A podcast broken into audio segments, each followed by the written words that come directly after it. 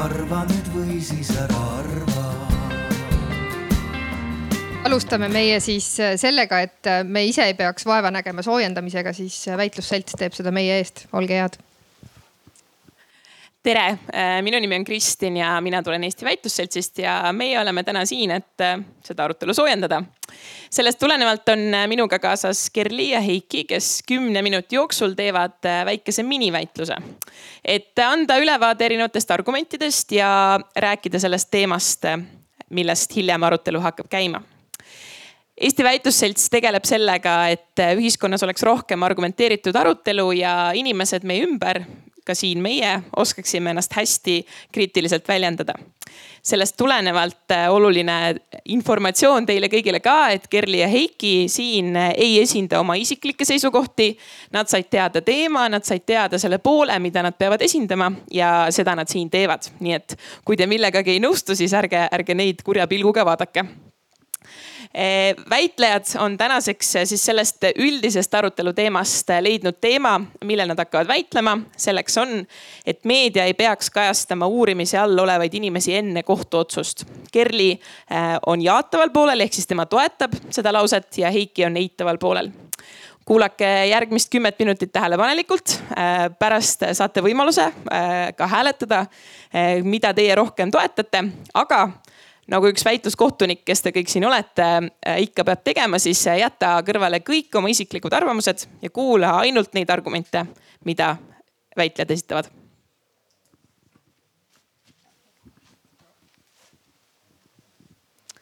tere ka minu poolt, äh, nagu Kristin tutvustas, siis mina olen Kerli ja ma räägin teile täna, miks äh, meedia ei peaks kajastama äh, uurimise all olevaid siis olukordi enne kohtuotsust. ja need olukorrad, millest ma teile tahan täna rääkida, on kahesugused. esiteks, need on olukorrad, kus toimub uurimine. näiteks või uurimisprotsess algab näiteks nagu, mida me nägime Mailis Repsi puhul. või siis teine olukord, kus kohtuprotsess on lihtsalt pikk ja venib, nagu näiteks Kajar Lemberi puhul me oleme aastate jooksul näinud. ja me näeme, et sellistes olukordades kui ähm, meedia kajastab äh, siis neid, neid inimesi, neid sündmuseid, neid äh, tegevusi ja võib-olla süüdistusi. enne kui kohtuotsus on jõustunud, siis on väga suur oht selle inimese süütuse presumptsioonile. ehk siis sellele mõttele, et tegelikult enne kui me ei ole kohtus otsustanud või tuvastanud, kas midagi, kas see inimene on midagi halvasti teinud, me juba etteulatuvalt siis mõistame ta ühiskonnana hukka ja sellest tulenevalt raskendame ta elu, kui mõnel juhul võib-olla isegi rikume ta elu ära. ehk siis natuke natukene lähemalt rääkides, miks süütuse presumptsioon on väga oluline esimene mure, mis meil on, on see, et meedia ei saa tegelikult ette ennustada, mis on siis selle kohtuotsuse või selle uurimise tulem. sest et meedial ei ole kogu nagu ülevaadet tõenditest näiteks, mis selle uurimisprotsessi juures leitakse. või äh, näiteks nad ei saa äh, juba etteulatuvalt äh, kaaluda, millised on need erinevad argumendid, mida siis kohtus äh, erinevad osapooled teevad. see tähendab seda, et meedia ei saa enne kohtuotsuse jõustumist on ju teha mõistlikku otsust, kumb, kas see inimene siis on pigem süüdi süüdi või pigem ei ole, kas teda peaks meedias kaitsma või mitte. seega meedial oleks hea võimalikult neutraalselt seda olukorda kajastada, kui üldse. aga seda on lihtsalt väga raske teha, sest et ükskõik kui palju infot sa inimestele jagad selle kohta, et eh, keegi on uurimisprotsessis või kellelgi on süüdistus esitatud ja ta läheb kohtusse, siis inimesed ikkagi kujundavad oma arvamuse. Nad hakkavad mõtlema, et äkki see inimene ikkagi näiteks on korruptsioonis süüdi või äkki see inimene ikkagi ahistas oma kolleegi. ja mis selle mõju on see, et selle inimese sõbrad kolleegid hakkavad teda teistmoodi, ähm, temaga teistmoodi käituma, teda võib-olla on, tekib mure töökohtadel, see inimene vallandatakse või siis äh, teda nii-öelda äh, viiakse tööolukorras, olukorda, kus äh, ta ei saa hästi oma tööd teha, teiste inimestega suhelda.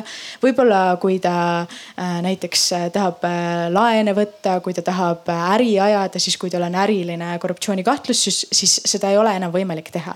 ja me näeme, et see oht on just selles olukorras, kus see inimene inimene tegelikult lõpuks ei ole süüdi.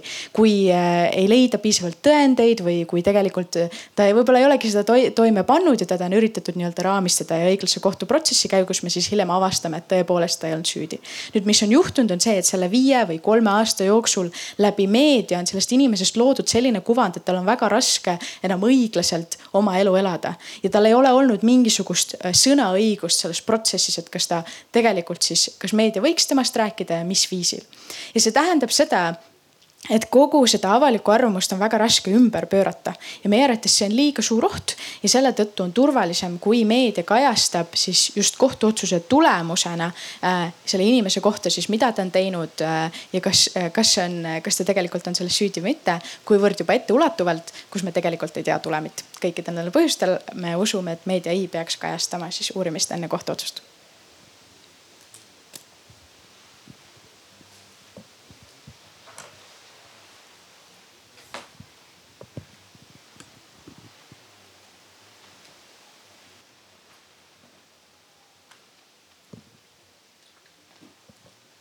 tere, mina olen Heiki ja mina räägin siis, miks äh, meedia poolt kajastamine ikkagi ähm, mõistlik ja vajalik ähm,. eks kõigepealt on äh, selline eeldus, et meedia kajastab äh, selliseid uurimisi, kus on äh, olemas nii-öelda kaks faktorit. ühest küljest on olemas väga tugev ühiskondlik huvi, näiteks kui mina teeksin mingisuguse kriminaalse kuriteo, ilmselt meedia ei kavast-, ei kajastaks minu tegemisi, sest pole mitte mingisugust nagu huvi nii-öelda keskmisele inimesele ähm, ja, ja seetõttu seda nagunii ei toimi, et see kajastamine toimub siis, kui päriselt see huvi on olemas ning ma räägin kohe varsti sellest, et miks see huvi on nii oluline. Ähm, teine asi, mis ma tahaks öelda, on see, et meedia üldiselt kajastab ikkagi ähm, lugusid objektiivselt. kui me näiteks võtame selle Mailis Repsi selle viimase case'i, siis meedia toobki välja seda, et milles on tehtud nii-öelda nagu süüdistused, ta toob äh, piisavalt palju äh, neid äh, fakte ja materjale välja ning meedia annab äh, pea alati ka sõna tegelikult sellele inimesele, kes saab ennast vajadusel kaitsta. lihtsalt juhtus see, et Mailis Reps otsustas pikka aega ära põgeneda ning ei tahtnud anda kommentaare, aga talle oli antud see nagu võimalus. ning see ei ole nagu see koht, kus meedia ta lihtsalt nagu niisama peksab äh, ning tekitab sellise halva olukorra. aga miks on ikkagi siis süüduse presumptsioon küll oluline, aga mitte nii oluline kui nii-öelda inimeste teadlikkus. kui me vaatame neid case'e, kus meedia kajastab äh, siis äh, inimeste uurimisi ja süüdistusi, siis nad on väga tihti näiteks poliitikud äh,. ja inimestel on tegelikult õigus teada seda, mida poliitikud teinud on äh, ning selle jaoks ei ole aega oodata aastaid, kuni tuleb mingisugune ametlik otsus Äh, kui vaadata konkreetseid poliitikuid, siis ma ütleks, kõige põhilisem asi on see, et iga inimene peab minema mingil hetkel valima või ta ei pea minema, aga võiks minna valima. ning kui mina näiteks ei tea, et kellelgi on tehtud äh, äh, süüdistusi korruptsioonis, kui me oleme näiteks kuulnud, et ma ei tea, Mailis Reps on mingisuguse kohvimasina endale võtnud, siis ma tegelikult ei suuda teha objektiivset hinnangut valijana ning ma võib-olla valingi neid inimesi, kes ei ole kõige paremad kandidaadid ning teeme riiklikult halbu otsuseid eks ole. teine asi on see, et kui äh, need jutud ei äh, ole kajavad äh, ajakirjanduses, siis ei teki mitte mingisugust poliitilist survet nendele poliitikutele näiteks nii-öelda tagasi astuda ning lõpetada ära nii-öelda see korruptsiooni juhtumid. näiteks ma arvan, et Mailis Reps on seetõttu praegu väga palju poliitikast taganenud, kuna ta sai väga palju ühiskondlikku survet just nende süüdistuste otsas ja ma ütleks, et, et see, et meie riigi juhtimine oleks hea, on tunduvalt olulisem kui äh, kui näiteks see, et Mailis Reps võib-olla näeb, et temast midagi kirjutatakse, tal ei ole võib-olla nagu väga hea olla. ja ma ei ütle, et Mailis Reps on ainuke asi, aga ta on lihtsalt kõige aktuaalsem näide. teine asi on see, et meil väga palju on nagu selliseid kohti, kus kajastatakse äh, no näiteks mingisuguseid äh, seksuaalse ahistamise süüdistusi ja ma ütleks ka nendes kohtades on avalik huvi selles mõttes suur, et kui mina äh, kardan nii-öelda enda turvalisuse pärast või noh, mul on siis võimalik karta enda turvalisuse pärast, kui ma tean, et need inimesed, kelle juures ma võib-olla töötan, kellega ma suhtlen, et nendele tehakse mingeid süüdistusi. ja ma ütleks, et see potentsiaalne risk, et, äh, et keegi saab kahju, on niivõrd palju suurem kui see, et, äh, et sellised inimesed on natukene võib-olla halvad uudised ühiskonnas. aitäh ja annan sõna Kerile jälle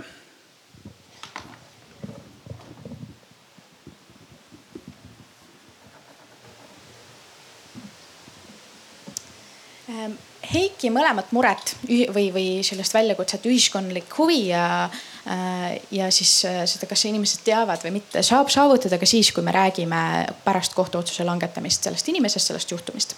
Äh, väga oluline on see, et see inimene kuni selle hetkeni, kui kohus ei ole otsustanud, saaks eksisteerida ühiskonnas edasi niimoodi, et teda võetakse tõsiseltvõetavalt, et tal ei oleks ühtegi pärast kohtuotsust äh, suurt mõju, juhul kui kohtuotsus mõistetakse, kohtuotsuses mõistetakse ta õigeks.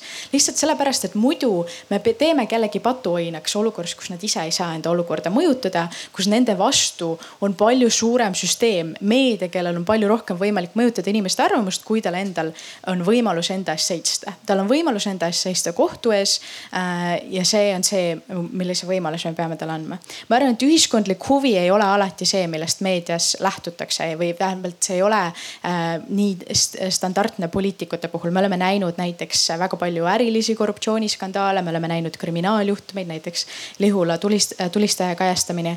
ehk siis see tegelikult on palju laiem kui lihtsalt poliitikud äh,. ja teiseks äh, väga tihti me teeme üksikud inimesed nii-öelda patuoinasteks, kui me räägime näiteks Martin Hallikust ähm,. ja see võib olla, selle otsuse kajastamine võibki olla õige sellel hetkel, kui kohtuotsus on tulnud, aga enne arvan, et ei ole õige suruda inimest olukorda, kus tema ei saa tegelikult mõjutada, mida tema kohta räägitakse. ja isegi kui meedia ise kajastab seda objektiivselt, siis inimesed teevad ise järeldusi selle kohta, mida nad äh, meedias loevad. ja nendel tavaliselt siis nendel süüdistatavatel või kohtualustel ei ole endal nii võimast masinat, kui on meedia, et jõuda teiste inimesteni ja üritada siis äh, teiste inimeste või ühiskonnaliikmete arvamust endast äh, muuta. see tähendab seda, et me paneme need inimesed väga ebavõrdsesse olukorda ja kui peaks juhtuma, et tegelikult nad ikkagi ei ole süüdi, siis nad peavad peavad selle all aastaid kannatama. ja kuna äh, kõiki neid kasusid on võimalik saada ka pärast kohtuotsuse jõustumist äh, meediakajastuse poolt, siis me usume, et seda peaks tegema just pärast, aitäh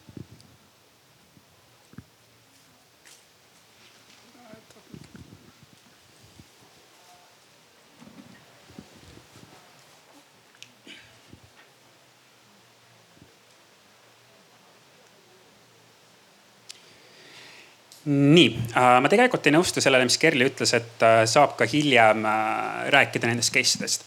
võtame näiteks näite, et kui mõningi poliitik on praegu korruptiivne ning seda teadmist ei tule välja ennem valimisi, et mingisuguseid kahtlustusi endale teinud, tehtud ning ta on ilmselt teinud midagi ebamoraalset. siis mina ei saa teha valine seda otsust ja ma võib-olla valin selle poliitiku või kollektiivina me valime selle. see tähendab, et me oleme neli aastat selle halva poliitikuga ähm, põhimõtteliselt äh, kinni, kus me ei saa temast nagu lahti. ja mida see tähendab praktikas on see, et kui me võtamegi mingi kohaliku omavalitsuse, siis võib-olla sealt läheb väga palju nii-öelda mingit maksumaksja raha äh, kaotsi ning tehakse halbu otsuseid. ehk siis seal on väga tugevad pikaajalised mõjud, kui ei tule õigeaegselt välja nii-öelda need äh,, need teadmised.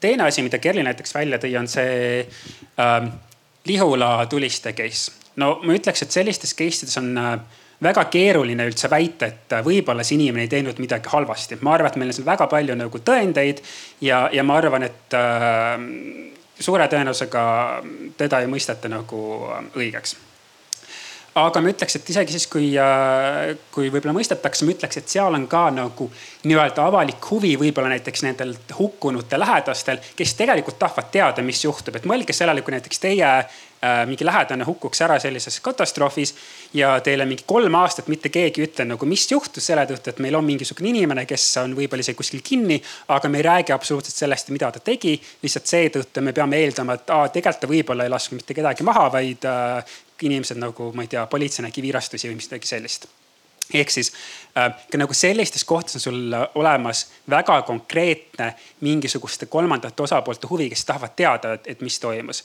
äh, ehk siis nii-öelda see ühiskondlik huvi on olemas kõigis nendes kohtades, kus, äh, kus meedia avalikustab. Äh, kui meedia teeb head tööd ja ma ütlen, et Eesti meedia teeb head tööd. aitäh.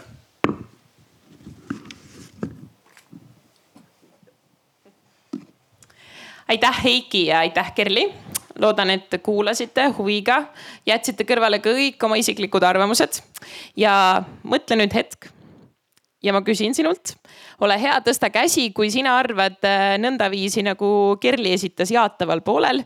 ehk siis, et äh, meedia ei peaks kajastama. nii ma kokku lugema ei hakka, aga proovime teistpidi ka. ole hea, tõsta käsi, kui sa uskusid seda poolt, mida Heiki esindas, ehk siis meedia peaks kajastama hommikul ütlen teile ära, Heiki kaotas. nüüd Heiki, palju õnne sulle. Äh, arutelu jätkavad inimesed, kes on siia kutsutud, aitäh ja sõna teile.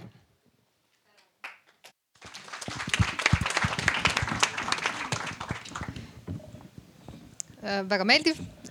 ma saan aru, et kõik on juba ennast ähm, õigele lainele sättinud ja ma teen kiire tutvustuse selle kohta, kes me siin lava peal oleme. ja siis äh, saavad sõna eksperdid, kes räägivad sellest, kas tasub või ei tasu avaldada või mitte. Äh, mina olen Kai Hervant, mina oma igapäevatööd teen Harju maakohtus kohtunikuna. vabal ajal äh, tegelen õpetamisega ja seda tavaliselt siis Tartu Ülikoolis ja, ja kolleege harin ka siis on minu kõrval eh, Martin Šmutov, kes on kakskümmend aastat ajakirjaniku leiba töö, eh, juba teeninud. viimased viis aastat Õhtulehe peatoimetaja, Õhtuleht teadupärast on siis Eesti kõige suurem päevaleht. ja ta on ka pressinõukogu liige. edasi on Ingrid. Ingrid alustas advokaadina ja nüüd on ta siis juba päris tükk aega kohtunik olnud Äh, alguses Harju maakohtus, nüüd äh, Tartu maakohtus ja tegeleb kriminaalasjadega.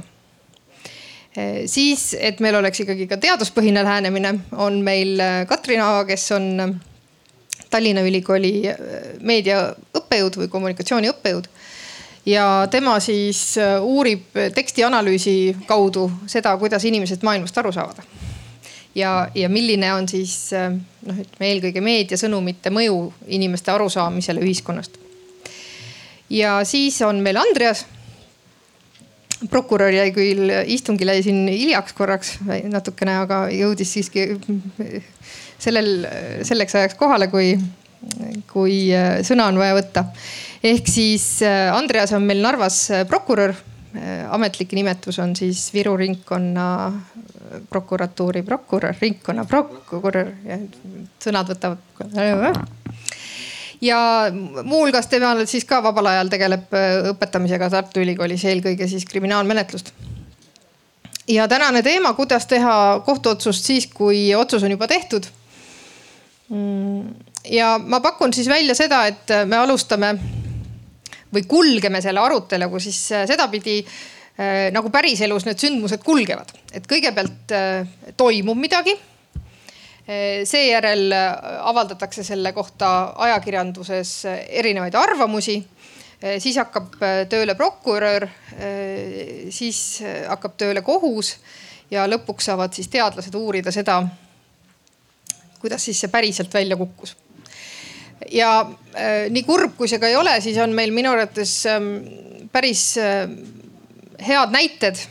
kurb selles mõttes, et näited ise on muidugi traagilised. mida siis äh, siia tuua? üks, millest, millest me kindlasti nii-öelda ka faktipõhiliselt räägime, on, on siis ähm, Lasnamäe tulistaja juhtum, mis on iseenesest väga tore äh, õiguslikus mõttes. Äh, näha, kuidas, kuidas see mm, õigusliku argumentatsiooni dünaamika on äh, Äh, peegeldunud ka ajakirjanduses. Äh, ja äh, teine nüüd täiesti värske juhtum, mis eile Tartus toimus, see plahvatus, siis ähm, see on võib-olla selline noh, ava, avaküsimuseks hea-halb näide või kurb näide siis sellest, kuidas sündmus on toimunud ühtegi fakti praktiliselt teada ei ole peale selle, et, et mõned inimesed on viga saanud aga meedias on juba sildid küljes eh, selle kohta, kes on süüdi, kes oli käpard, eh, kes jättis oma töö tegemata ja nii edasi, nii edasi. ehk siis ma alustaks Martin sinust ja küsiks, et mille järgi te need oma kangelased ja antikangelased siis nagu valite? tere. Nii tere jälle, võib-olla on kuulda, võib-olla ei ole kuulda, on kuulda? ei ole kuulda. no need kuulevad, kes kuulevad siis, nii et juba hakkab vist juba on, et äh, äh, mina olen selline inimene, kes väga tugevalt lähtub nagu Eesti põhiseadusest. ja põhiseaduses, kui ma peast nüüd ütlen, siis äh, paragrahv kakskümmend neli ütleb seda, et äh, koht sul on mikker välja lülitatud. ma enne küsisin ka selle kohta. on sees. jah, alati asjad töötavad paremini, kui nad on vooluvõrku pandud. jätke meelde. tavaliselt meil IT-toesse helistatakse, küsitakse, miks mul arvuti ei tööta aga ühesõnaga ma hakkasin ütlema, et ma olen selline inimene, kellele väga meeldib Eesti põhiseadus, et ma arvan, meil on väga-väga hea põhiseadus ja üks paragrahv, ma ütlen praegu peast äkki numbriga natukene eksin, kakskümmend neli ütleb põhimõtteliselt seda, et kohtupidamine on avalik mida see nüüd minu jaoks tähendab, on see, et tegelikult, et me peaksime teadma kõike seda, mida Eesti kohtutes toimub. aga nüüd tuleks sellest astuda sammukese tagasi. et ja see läheb siis selle juurde, et kuidas valida enda kangelasi ja antikangelasi. et kohtusse üldiselt on võrdlemisi raske jõuda et äh, enne peab sellele eelnema veel midagi, mingisugune, eks ju siis tegu. lubja neli võib iga päev tulla. noh jah äh,, aga äh, seal tuleb ka eristada näiteks neid asju, mis äh, sünnivad meediast ja need asjad, mida siis meedia hakkab kajastama. näiteks Mailis Reps sündis meediast. meie olime esimene väljaanne, kes kirjutas sellest, mida Mailis Reps teeb. esiteks bussiga, siis nõunikega, siis kohvimasinaga, siis reisipiletitega äh, ja nii edasi ja nii edasi nüüd minu küsimus teile on, et millisel hetkel me ei tohiks enam kirjutada sellest? sest öeldakse, et me ei tohi Mailis Repsi halvana näidata, nagu see öeldakse, et meedia ei tohiks kajastada. kas on see hetk, kui prokuratuur veel ei uuri, sest alguses ei uuritud, minu jaoks oli väga üllatav, et ei hakatud uurima kohe põhimõtteliselt, hakati uurima hiljem. kas sellel hetkel, kui hakatakse uurima, ei tohi me enam kirjutada uutest asjadest, mida me avastame Mailis Repsi puhul? kas me ei tohi kirjutada sellest hetkest, kui saab kahtlustuse, sest Eestis inimene alguses saab kahtlustuse ja kahtlustusest sünnib, eks ju, hiljem veel süüdistus. ja süüdistuses minnakse kohtusse. Eestis on kolm kohtuastet. kui inimene mõistetakse süüdi esimeses kohtuastmes, siis see otsus ei ole veel jõustunud. Siis minnakse näiteks ringkonnakohtusse, kui edasi kaevatakse, isegi kui seal mõistetakse süüdi või õigeks, võib minna veel ka edasi riigikohtusse. nii et tegelikult neid samme kus meedia noh, nii-öelda siis peaks hakkama valima seda, et mis hetkel me hakkame kajastama. võib-olla seesama Mailis Reps, me oleks saanud esimese loo ära teha, prokuratuur võib-olla oleks hakanud kohe uurima, ühtegi järgmist lugu me järelikult me ei oleks enam saanud teha. kas see oleks ühiskonna jaoks parem või halvem, noh, mina, ma ei saa teile ette öelda, aga ma arvan, et mõnes mõttes ikkagi väga palju halvem. see on nagu esimene osa teine osa on siis need juhtumid, nagu te ütlete, Kajar Lember, mis on siis meile nii-öelda mingis mõttes toodud, inimesele pandi käerauad ja öeldi, et ta on midagi nii-öelda halba võib-olla teinud, et me hakkame uurima. ja tänu sellele tuleb inimene ära viia. nüüd jällegi, mis on see koht, kus meedia ei tohiks kirjutada? kas see hetk, kui pandi käerauad, me enam võime öelda, et inimene viidi ära, kas tema ema, isa, sugulased võiks teada, et ta on vangikongis või siis saab teada sellest, kui tuleb otsus, et noh, siis me võime kirjutada, et mõisteti õigeks või ei mõistetud õigeks, eks ju, et, et kus see koht jälle on, et ma ütlen, see tasakaalupunkt mis selles väitluses minu arust oli väga huvitav, noh nagu see, et kus see tasakaalupunkt on. et äh, niipea kui sa nagu hakata seda peensust viima, ma arvan, teil on väga raske seda mulle anda. ma panen teile paberi peale need asjad, tõmmake mulle see joon, kust meedia ei tohiks enam kirjutada. aga lähme sellest väitlusest nagu kaugemale natukene, ma mõtlengi seda, et et kui, kui äh, ongi mingisugune sündmus toimunud, siis keegi ei vaidlusta ju seda, et sellest sündmusest kui sellisest äh, noh saab kirjutada ja seda, seda kajastada. küsimus on selles, et äh, kas, kas sina, kui sa hakkad seda lugu kirjutama, mõtled nüüd selle peale, et kas ma panen äh, sinna sildi juurde, et äh,, et see inimene oli käpard, see ei saanud oma tööga hakkama ja see tegi veel midagi valesti. ehk siis, et see, et see ühiskondlik arvamus hakkab läbi sinu loo kujunema selle inimese kohta. Äh jah, ma saan küsimusest aru, ma igaks ütlen repliigina, ma arvan, üheksakümmend üheksa protsenti meie lugudest äh, ilmuvad pärast kohtuotsust et jällegi, eks ju, see Tartu näide nüüd, kui me võtaks eilse sündmuse, ma tõesti ei ole näinud, et kedagi oleks käpardiks nimetatud. et äh, või keegi oli rumal ja tegi akna lahti, lasi, eks ju, politseinikud sisse, mis on täiesti tavaline viis, kuidas selles olukorras käitutakse, et ma arvan, et keegi ei ole ei päästeametnikke ega politseinikke nimetanud käpardiks ja noh, tõenäoliselt ei nimetata käpardiks ka seda, kes seal nii-öelda sees oli ja neid inimesi ootas, eks ju, et tema ootas seda tõenäoliselt mingi enda nagu plaaniga. Äh, nüüd meie enda töös lähtume äh, ajakirjandusega eetikakoodeksist ja mulle väga meeldis siinsamas väitluses seesama mõte, see süütuse presumptsiooni mõte, et ega see ei kao mitte mingil hetkel ja mitte kuhugi ära. aga ajakirjanduse asi ongi, äh, ülesanne ongi neid samu juhtumeid kajastada niivõrd objektiivselt kui võimalik. andes sõna, eks ju siis nii-öelda ühele poolele ja andes sõna ka teisele poolele. nüüd kas üks või teine pool seda sõna, eks ju, võtab, see on nagu eraldi küsimus, seda mina ei saa mitte kuidagi mõjutada. noh, ma võin põlvil, eks ju, paluda, et inimene hakkaks rääkima, kui ta ei taha rääkida, no siis mul ei ole mitte midagi teha. aga needsamad nagu kohustused, mis meedial on, on tegelikult väga täpselt kirjas ja kui meie neid rikume, noh siis esimene selline aste on tõesti pressinõukogu, mille liige ma olen, kuhu saab esitada kaebuse. aga on ka kohtuastmed, meid on antud ka kohtusse näiteks võtame ühe teise näite samamoodi, kus oli näiteks eriali kaasus, võib-olla teate, mis asi erial on, sihuke hoiulaenuühistu. me kirjutasime, et äh, veits kahtlane nagu, et äh, jällegi me, meie olime see, kes selle algatas, eks ju, mingis mõttes. prokuratuur tuli pärast hiljem, eks ju, süüdistustega, mingid inimesed on seal praegu eeluurimise all on vanglas, aga nemad kaebasid meid kohtusse. et miks te kirjutasite selliseid õudseid asju ja kohtus esimeses astmes me kusjuures kaotasime teises astmes küll võitsime. Ja nüüd äh, esitati kaebus riigikohtusse, et eks näis, mida riigikohus otsustab, kas hakkavad arutama või mitte. aga mis ma tahan öelda, et see, et kui meie oleme käitunud kuidagi ebaeetiliselt või valesti, siis see ei ole tagajärgedeta et meil on täpselt samasugune vastutus ja noh, üks selline vastutus, ma ei tea, kas te eile või üleeile lugesite, Irja Sand, ma ei tea, mis see nimi teile ütleb, aga ühelt Eesti ajakirjanikult ja ühelt Eesti väljaandelt vist oli kümme tuhat mõlemalt mõisteti välja et neid asju nagu toimub, et seesama äh,, aga, aga, aga et ei toimuks, siis see ongi tegelikult ajakirjandusorganisatsiooni tugevuse küsimus, et toimetajad oleksid tugevad, kes oskaksid need, eks ju, eksimused üles leida väga tore, mina olen tsiviilikohtunik, mina lahendan neid äh, asju, mis pärast tulevad teie vastu. et äh, väga lõbusad kaasused on. aga lähme edasi nüüd, kui on sündmus on toimunud ja, ja ajakirjandus on seda valgustanud ja prokuratuur usinasti tööd teinud, siis ähm, järgmisena ongi meil äh, Andreas püüne peal.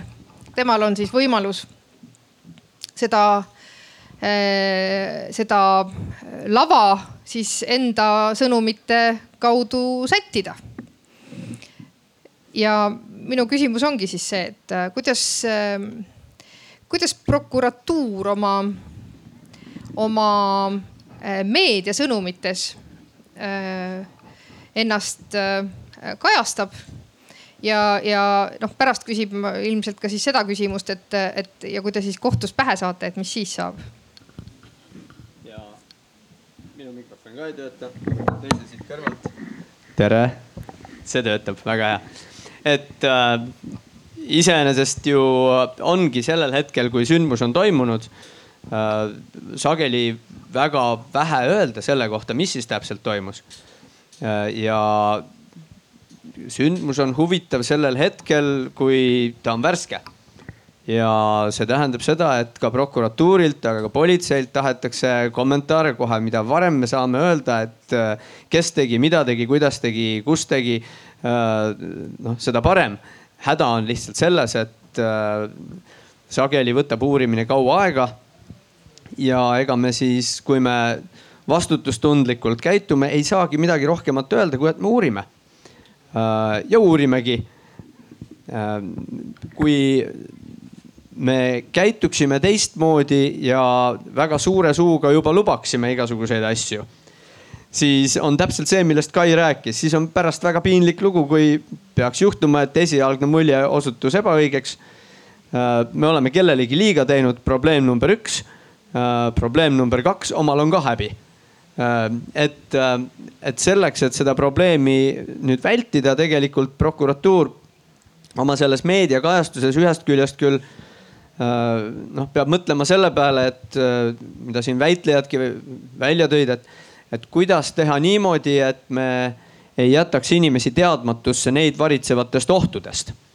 aga teisest küljest me ei tohi oma meediakajastusega ka minna sinnamaale, et me hakkame trummi põristama ammu enne seda, kui meil päriselt teada on, mis siis sellest asjast lõpuks välja tuleb.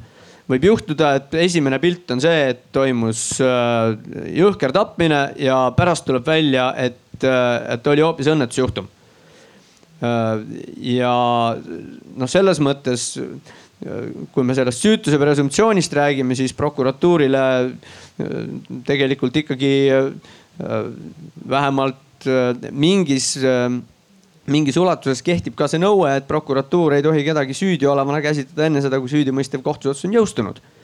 nüüd, kui meie teadmine kindlamaks muutub, eks me siis saame ka natuke kindlamalt öelda, mida me arvame, et aset leidis äh, kui prokurör läheb süüdistusega kohtusse, siis prokuröril peab olema selleks ajaks juba omal ka siseveendumus tekkinud nende samade uurimise pinnalt tekkinud tõendite varal, et, et nüüd vist on ikkagi väga suure tõenäosusega kuritegu toime pandud. no muidu ei läheks ju kohtusse ega siis äh, prokuratuur ei taha kohtusse minna asjadega, millega ta teab, et ta kaotab. ja mitte sellepärast, et kaotada oleks halb, vaid sellepärast, et inimesi ei tohi süüdi mõista, kui nad ei ole kuritegu toime pannud. see on hea mõte, see on väga hea mõte, aga, aga Ingrid. jah, tere. kui noh, ma ei hakka küsima seda küsimast, et, et kas sa, kas sa teed oma otsustuse nagu tõendite põhjal, mis sul on toimikus või selle peal, mis sa ajalehest loed. et ähm, seda küsimust ilmselt ei ole vaja, vaja küsida. aga kas sind, ma küsin sedapidi, et kas sind, kas sind huvitab esiteks see, mis on avaldatud sinu kohtuasjade kohta ja, ja teisest küljest ähm, noh, kindlasti on, on ka neid hetki kus äh, kohtunik saab mõelda selle peale, et äh, mis on see ühiskondlik ootus, et noh, kas viis, viisteist või kakskümmend viis, eks ole, aastat. Äh, jah, alustades algusest, kas mind huvitab? kui asi on juba tulnud minu lauale, siis mina tunnistan, et mind ei huvita, et mina püüan ennast võimalikult eemal hoida sellest informatsioonist, mis tuleb sisse menetluse väliselt ehk et ainult tõendid. ma tavaliselt, tavaliselt ei, ei loe neid artikleid, mind ei huvita nende inimeste sotsiaalmeediakontod, ma ei guugelda neid. ma lähtun sellest, mida pooled mulle esitavad ja see on äh, eelkõige selleks, et ma tahan olla kindel selles, et minu otsustus on äh, sellistest kõrvalistest argumentidest vaba, et, et see põhineb ainult äh, tõenditel. aga kui ühiskondlikust otsuse, äh, ühiskondlikust ootusest rääkida, siis karistuse mõistmise juures on ähm, üks selline aspekt, mida tuleb arves, äh, arvesse võtta ja mis on kohe seaduses ka sellisena kirjutatud, on õiguskorra kaitsmise huvid. ja, ja see on tõepoolest see, kus, kus äh, saab ja, ja ilmselt ka tuleb arvestada seda ühiskondlikku ootust, et kus, kus näiteks on see miinimum, kus sellise teo eest enam nagu väiksem karistus olla ei saa. Katrin, kuidas siis inimesed saavad aru sellest ka lõpuks, et kohus on arvestanud seda õiguskorra kaitse aspekti? mul on nagu kaks mõtet, et et ma tasakaalustamiseks hästi praegu tunnen nagu vajadust tuua ka neid kaasusi, kus tegelikult inimene ei olnud süüdi, et meil on praegu no hästi hea siin Mailis Repsi kohta öelda, et vaat kui oluline, et selle, see kohe läks Äh, et, et me noh ja loomulikult. ta ei ole veel süüdi mõistetud. aga no, no vaield noh, eks meie eeldab noh jälle ja me jälle oleme ta siin süüdi mõistnud, nüüd ma sain, jäin ise vahele. aga ma tahaks, tahaks juhtida ja, ja nii, nii see toimibki. ma tahaksin juhtida tähelepanu vot just nendele juhtumitele, kus tegelikult inimene ei jäänud süüdi, aga neil, neil elu ei ole et kogu nende elutöö, hea maine, võime saada üldse võimalus saada tööd, on näiteks see Martin Halliku juhtum üleüldse võimalus ka kuskil rahvusvaheliselt, no Austraalias proovis saada tööd ja ta ei saanud seda. et, et me praegu peaks tasakaalustamiseks tooma need juhtumid, kus meedia, meedias on võimalik inimene hävitada ja täiesti lõplikult ja põhjalikult ja nii jääb ja, ja, ja tal ei ole noh jõudu tal sellega toimetulemiseks ja kindlasti kuskilt keegi lõpuks võtab ta ka tööle ja ta hakkab oma elu üle, jälle taas üles ehitama, et see on nagu üks mõte, ma tahtsin tasakaalustada seda. ja minu teine mõte või mis ma ka tunnen, et miks, miks mina siia tulin või mis mina öelda tahan nagu, nagu teksti uurijana või teadlasena. et, et ikkagi kõige olulisem on see sellises praeguses ühiskonnas, kus väga paljude inimeste usk, näiteks eriti Eestit ja Põhjamaid võrreldes, inimeste usk oma riiki on, on nagu liiga väike, liiga paljudel inimestel ja, ja, ja uurijad ka ütlevad seda, et liiga palju on inimesi, kes ei saa enam maailma asjadest aru et nad enam ei, ei saa aru, kuidas näiteks toimub, neil ei ole usku sellesse, et see kohtupidamine on õiglane. ja siis algavad need süvariigi ja, ja muud väga õõnestavad uskumused pääsevad mõjule. et siis mina, mina nagu kõige rohkem us, nagu tahan, tahan kuulda iga nädal AK-st, kuidas need kohtu kuidas kohtupidamine käib, et mulle räägitakse selges eesti keeles, mitte erialakeeles. ja mul on hästi oluline, et nii kohtunik ja prokurör iganädalaselt äh, selgitaks mulle mis selles valdkonnas toimub ja et väga lihtne inimene tunneks ja usaldaks seda protsessi. ehk teksti uurijana ma ütlen, et, et see, et, et ma, ma loodan, et, et te õpite seal Tartu üld-, noh, ma juba kuulen, et te õpite niikuinii kahes keeles rääkima. et üks on see erialakeel ja teine on see keel, millega kogu aeg selgitatakse inimestele, meil toimub parim võimalik kohtupidamine. meie praegu oleme selles faasis, et ma, see, see selgitus on hästi hästi tähtis seda ma tahan öelda, et ma tihtipeale ei saa hakka uudistest, põhjendustest aru ja inimene, kes ei saa aru, tunneb ennast rumalana ja ta muudeks muutub agressiivseks. et see on see viha, vot see ühiskonnas olev, et see, see tuleb nagu lihtsa suhtlusega maha võtta, hoidke usaldust kohtupidamise vastu. mu pika jutu mõte annan ja, mikrofoni ähm,. tsiteerin, tsiteerin ühte kolleegi, kes ähm, ka ühte väga keerulist ja, ja traagilist tsiviilasja, äh, tervisekahju äh, tsiviilasja lahendas. ja kannatanu siis, kes selle kahju oli saanud, äh, kohtusaalis ütles talle, et et noh, kohtunik muudkui küsis ja küsis olulisi küsimusi ja detaile ja, ja kannatanu ütles selle peale, et miks te küsite nii palju? ajakirjanik sai kohe asjadest aru. nii, ja ma nüüd siis küsikski kohe selle peale, et kuidas siis on niimoodi, et ajakirjanik saab kohe asjadest aru ja ei lase ennast mõnikord faktidel nagu väga häirida ma, ma mõtlen vastust, ma nii kaua ütlen ühe repliigi onju, see on hea, hea poliitiku sihuke käitumine, et ma tulen tagasi selle eelmise teema juurde. et äh, see Halliku teema, et tegelikult Hallik ei ole õigeks mõistetud. sellepärast, et see oli esimene aste ja see otsus minu teada kaevatakse edasi või on juba edasi kaevatud. et tegelikult, kui me räägime sellest, kas meedia võib kajastada või mitte kajastada, siis teie ei teaks absoluutselt, mis esimene aste oleks otsustanud. kui on see otsus, et meedia ei tohi kajastada mitte jõustunud otsust veel nii et tegelikult praegu te oleksite kõik pimeduses, te ei teaks, te teaks seda, mis on alguses kirjutatud, aga te ei teaks esimese astme otsust, sellepärast et teise astme otsus ei ole veel tulnud ja kui seal ka edasi kaevata, siis ka veel riigikohtu otsus ei ole tulnud. ja sellest, sellest järjepidevusest me räägime ka natukese aja pärast. aga see on sealt oluline nagu öelda, et tegelikult, kui me räägime ka nendest inimestest.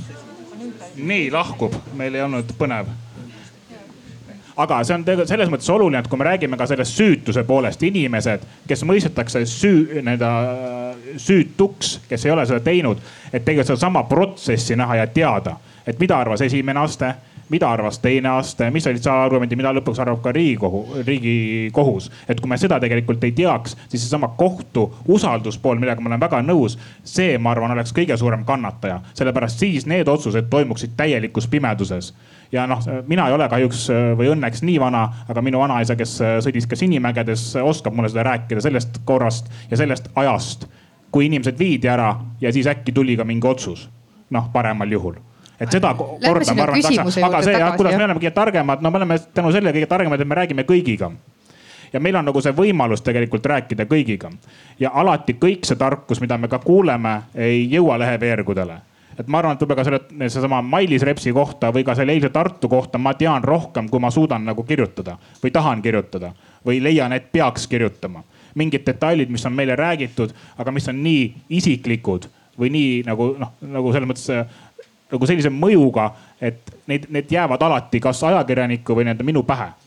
et aga see pluss, et kuidas me oleme nagu kõige targem, see tuleb ikkagi nagu tegelikult kokkuvõttes sellest, et sa räägid nende inimestega.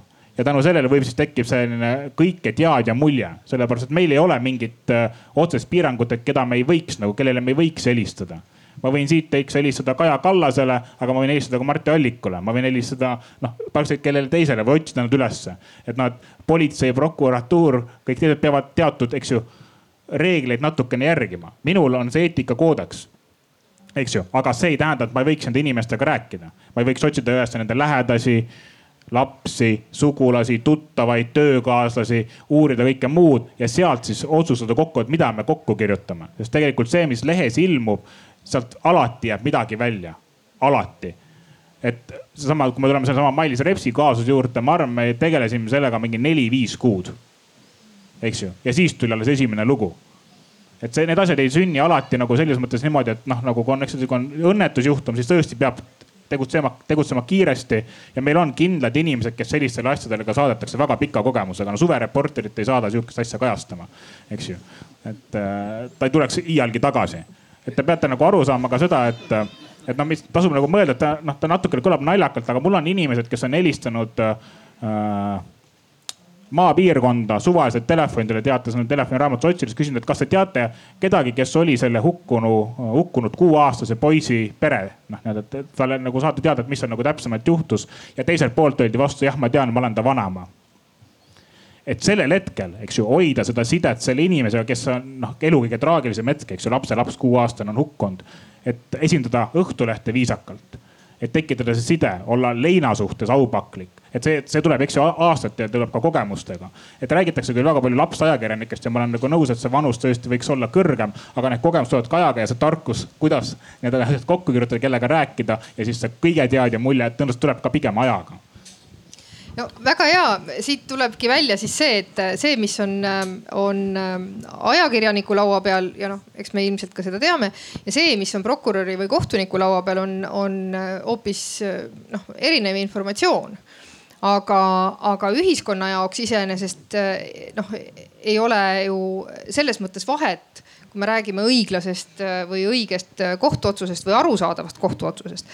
aga, aga räägime siis sellest arusaadavusest on ju, et Ingrid, mis takistab sul minemast äh, ütleme siis telekaamerate ette ja öelda selle asemel, et öelda, et, et võõra vara omastamine mingisugusel, tähendab võõra vara omastamine omakasu eesmärgil või midagi muud. Öelda, et teate, ta oli lihtsalt varas.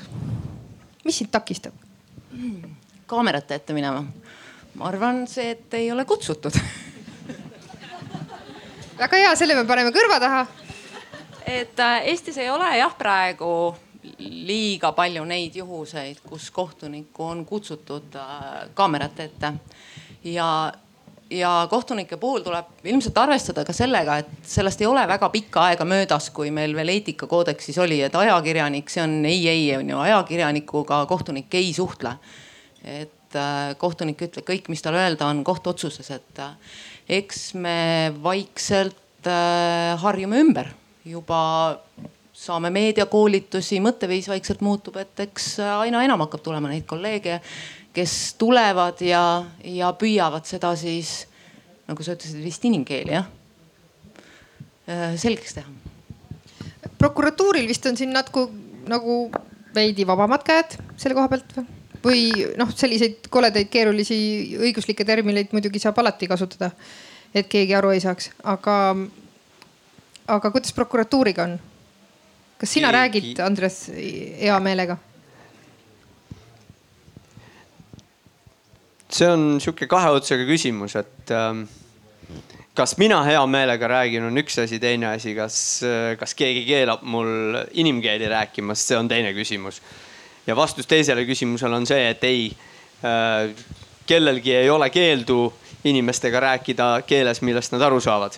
ja ma arvan, et äh, just täpselt niimoodi tulebki inimestega rääkida et nagu kommunikatsioon lihtne ja selge ja ei ole ju mõtet kellele ma räägin keeruliste juriidiliste sõnadega. ma ei ole isegi kindel, et ma teistele juristidele pean keeruliste juriidiliste sõnadega rääkima. sa ei ole ju tõsiseltvõetav, kui sa ei räägi keeruliste juriidiliste sõnadega. no aitäh, ma iseennast ka väga tõsiselt ei võta, aga aga, aga selle asja, asja kõrval ma ütleks, et äh, ma olen oluliselt selgem ja arusaadavam, kui ma räägin sõnadega, millest mu kuulaja aru saab, mida ma mõtlen, mu mõtted jõuavad siis kohale. Äh, mul ei ole nagu väga suurt probleemi sellega, et ma peaksin kasutama seitset rida äh, haaravaid põimlauseid ja neid võõrsõnaleksikoni, neid keerulisi neid kõige keerulisemaid võõrsõnu, et siis nagu upitada ennast, et kui mul on midagi öelda, siis ma saan seda inimese keeli öelda küll, ma arvan, et niimoodi peakski käima asi. Katrin, kas inimesed tajuvad sellist äh, ütleme erialakeeles ja, ja ke, no mitte, ma ei isegi ütle keeruliste kiilpõimlausetega, aga lihtsalt erialakeeles edasi antud sõnumeid kuidagi äh, tõsiseltvõetavamana või, või vastupidi, kui sa räägid lihtlausetega, lihtsates terminites, on, on pigem see usaldusväärsem ja, ja usutavam vahel piisab, piisab sellest ka, kui inimene lihtsalt seisab pildil, et kui me siin ka arutasime seda asja, siis ma mäletan tookord seda, seda Padari olukorda, et, et kui oli mingi poliitiline kriis ja siis, kui noh, see pilt on selline, et poliitikud marsivad kaameratest mööda, ajakirjanikud siis. Ivari Padarist. Ivari Padari lugu oli ja, ja, ja, ja kõik siis noh ül, nagu ülbelt marsivad sealt uksest sisse ja siis on see Ivari Padar siis noh, tal ilmselt oli siis minister sellel hetkel ja mingi jama seal oli. ja siis tema mingi hull külm ilm oli ja siis tema seisab juuksed sassis, hõlmad lahti ja lihtsalt seisab. ja mida see ajakirjanik siis teeb, lihtsalt näitab ühte poliitikut, kes lihtsalt julgeb seal seista, on olemas ja dialoogiks valmis. et pilt ütleb ka, et ma olen valmis dialoogiks või ma, ma tahan suhelda, ma olen valmis selleks. et see on see pilt, pilt juba loeb ja mis puudutab seda, seda sõna, sõnakasutust, et noh, minu see näide oli ka, et oli see Marti Kuusiku juhtum oli, no see oli nii ärev asi ja üle, ühiskond on jälle nagu nii emotsionaalselt kahte lehte ja keegi ei usu enam õiglast kohtumõistmist. ja ma siis olin ka nina vastu teleekraani ja ma tahtsin kuulda, kuidas seda mulle selgitatakse. ei saanud aru, milles asi oli et, et need on need hetked, mis, mil, mil on hästi oluline rääkida, et miks me selle käivitasime, miks selliste asjade uurimine on keeruline et, et ikkagi, ikkagi selgita arusaadavalt inimestele, rahusta maha, meil on õiglane kohtupidamine, et meil ei ole noh, seda ma tahtsin kuulda, et, et hoidke usaldust oma suurepärase institutsiooni vastu nende selgete sõnumitega. kas siis peaks olema siis ainult äh tähendab, mina saan sinu jutust aru niimoodi, et see ei peaks olema siis mitte jutt ainult sellest, et sellest konkreetsest kaasusest, vaid üldse, milline see kohtumenetlus või kohtupidamine on. et, et inimesed saaksid aru ka sellest noh, mis seal üldse nagu toimub? seal on üks, on üks, ma olen püüdnud suvel nüüd jälgida seda, et, et, et mida teaduses öeldakse selle kohta, et kuidas praegu tuleb kommunikatsioonis käituda ja seal on ainult üks retsept jäänud noh, kogu selle koroona jama taustal, et, et häid lahendusi niikuinii ei ole, õnnelikku lõppu ei ole, kõik lahendused ühel ajaetapil viivad kraavi. Aga noh, jah, et kui palju kraavi, lihtsalt, et millis, kui suurde jamasse me satume. Ja kõik need otsustajad praegu peavad tegema ainult ühte, lihtsalt selgitama, mida nemad teevad. Ja kõik ja olema läbipaistvad, lihtsalt protsessi selgitama ja meie otsustame praegu sellepärast, et ja olema olemas. ehk siis see, see, selle kohtupidamisega noh ka, et, et mida ma AK-s kuulen, on lihtsalt see mingi lõpplahendus ja see võib olla ka hästi nagu võõrkeelne et tegelikult on ikkagi selline see uus roll, et kohtupidamine peab, et seal kõik inimesed, kes on sellega seotud, on rahvavalgustajad tänapäeval. Ja kogu aeg harivad meid. kohtus me praegu käit-, me oleme selles etapis, praegu on see olukord, et ja nüüd me otsustame selle põhjal, et, et see on selline nonstop harimine, kogu aeg eeldatakse, et kõik teavad, miks on kolm, kuidas on see lihtne inimene ütleb, mis mõttes, kõigepealt mõistetakse niimoodi, siis on võimalik, et on teistpidi ja siis läheb kolmat moodi. mis õiglus see on? aga see tähendub, tähendus keeratagi selleks, et õiglus on nii tundlik asi, et seda tuleb lihtsalt läbi rääkida väga mitmetes instantsides, siis me jõuame õigluseni. et kuidagi selle, selle, mina ütlen ka, et harige inimesi, muidu nad muutuvad, nad irduvad riigist irduvad riigist. väga hea. Martin, kas te jälgite oma kangelasi läbi kõikide nende protsesside, sa küll korraks siin mainisid juba, et, et te siiski nagu kajastate, aga, aga just, et kas te jälgite oma neid kangelasi siis ja, ja toote kogu aeg selle, selle eelmise etapi või selle tausta sinna juurde ka? ma arvan küll jah.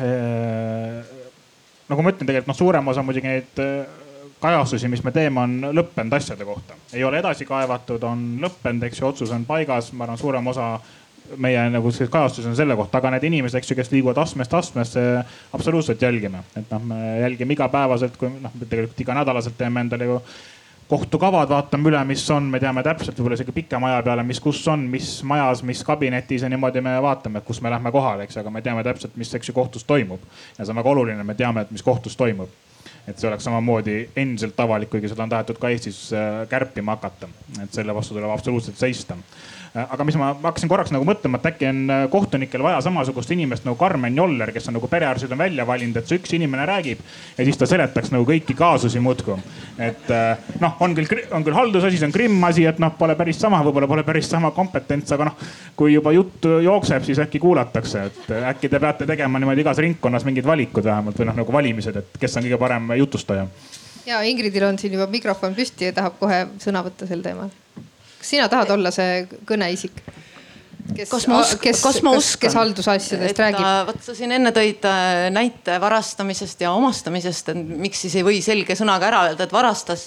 vot siis ma hakkasin mõtlema, et, et, et kas ma oskan tegelikult, et kas ma oskan äh, ennast viia nagu selle tavakuulaja tasemele, et ma püüan küll selgelt rääkida, aga, aga pärast teine inimene ütleb, et no mingid segast juttu ajas. aga kui sa läksid ülikooli esimesele kursusele, siis sa ju oskasid äh, rääkida nendest asjadest lihtsasti.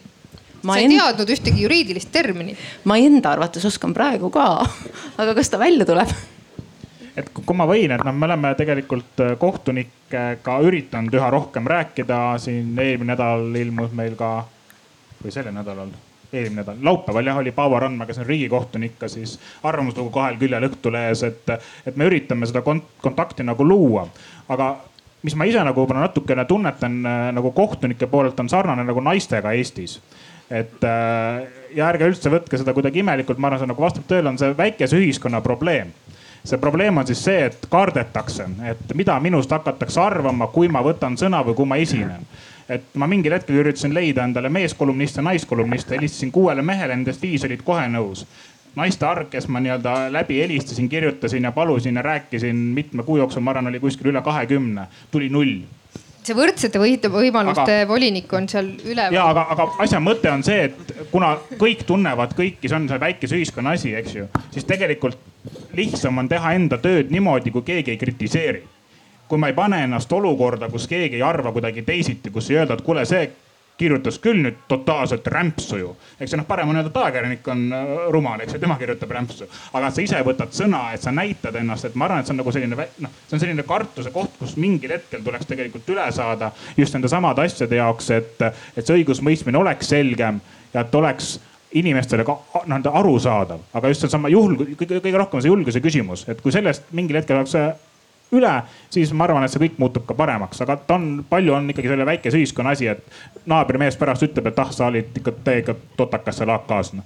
et no mis sa siis teed, ega teist korda ei taha ju väga minna, et tahaks ikka, et sind rohkem kiidetakse kui laidetakse. aga on vist küsimusi ka tegelikult, ma nägin äh, ja meil on äh, kaks tublit äh, abilist, Kristi ja, ja Marie, kes on mikrofonidega, aga, aga teeme niimoodi et äh, võtame sellised äh, poole kuni minutilised äh, kommentaarid või küsimused siia vahele, sellepärast et kui te tahate väga esineda, siis andke meile teada ja siis me kutsume teid järgmine kord siia paneeli. ole hea. aitäh, ei taha esineda.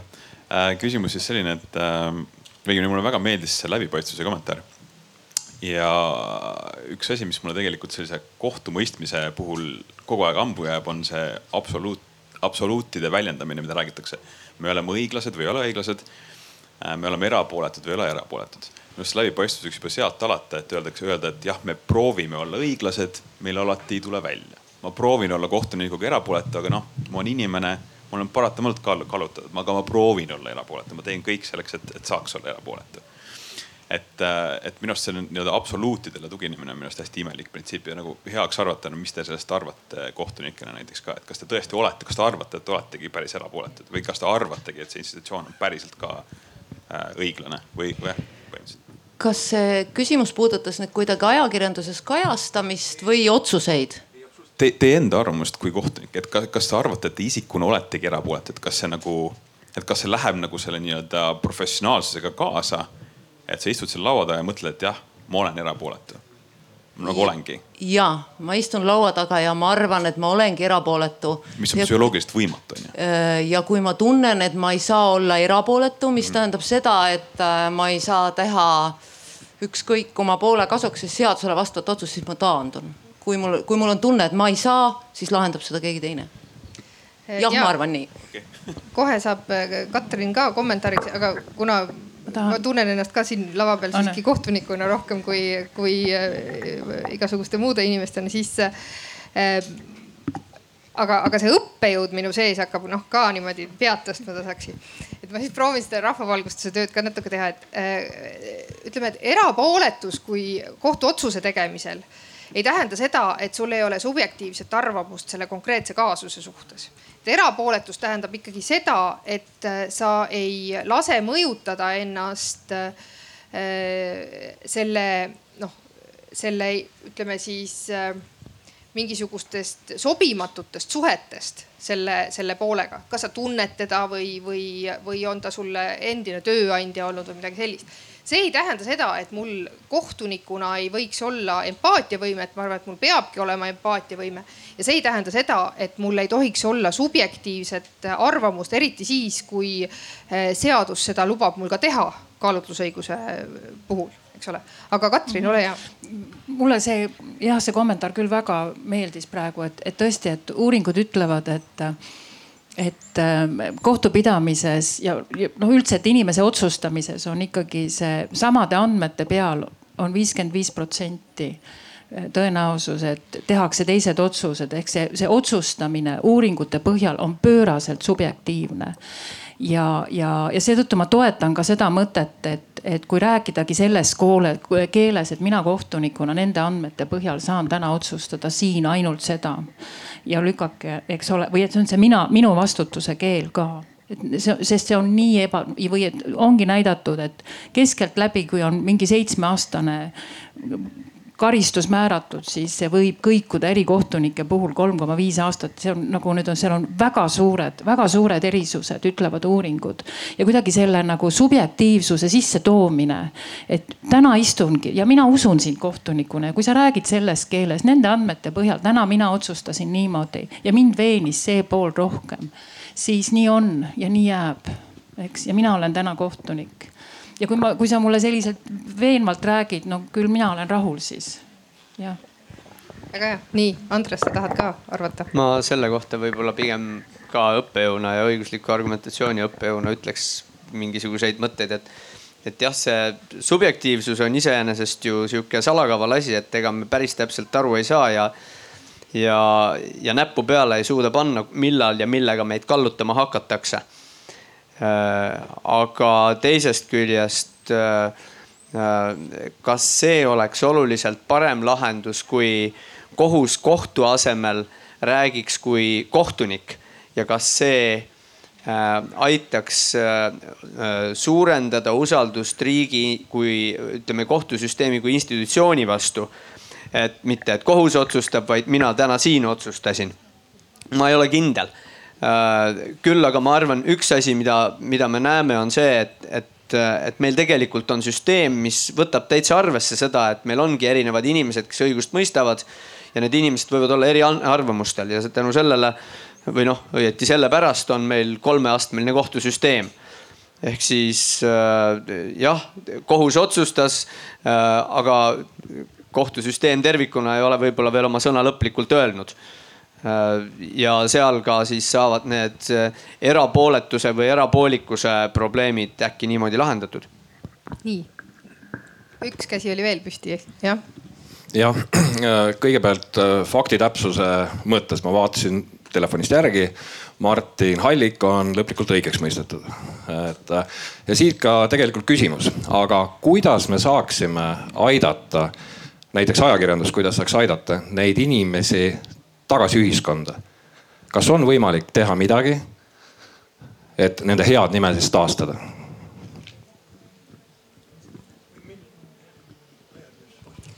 õigeks mõistetud inimese head nimed mm. -hmm.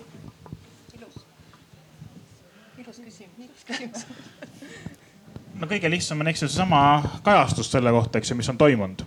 et äh, see on nagu esimene samm. nüüd, kas sinna on mingid lisasammud, siis äh, siis ma pigem arvan, et ei ole olemas, et ei ole võimalik et kui me räägime täpselt samast sellest, eks ju, sellest süütuse mõistest, eks ju, et inimene on süütu, kuni ta ei ole süüdi mõistetud, siis see algab teist kõigist endast, algab minust, algab sinust, eks ju, algab sinust.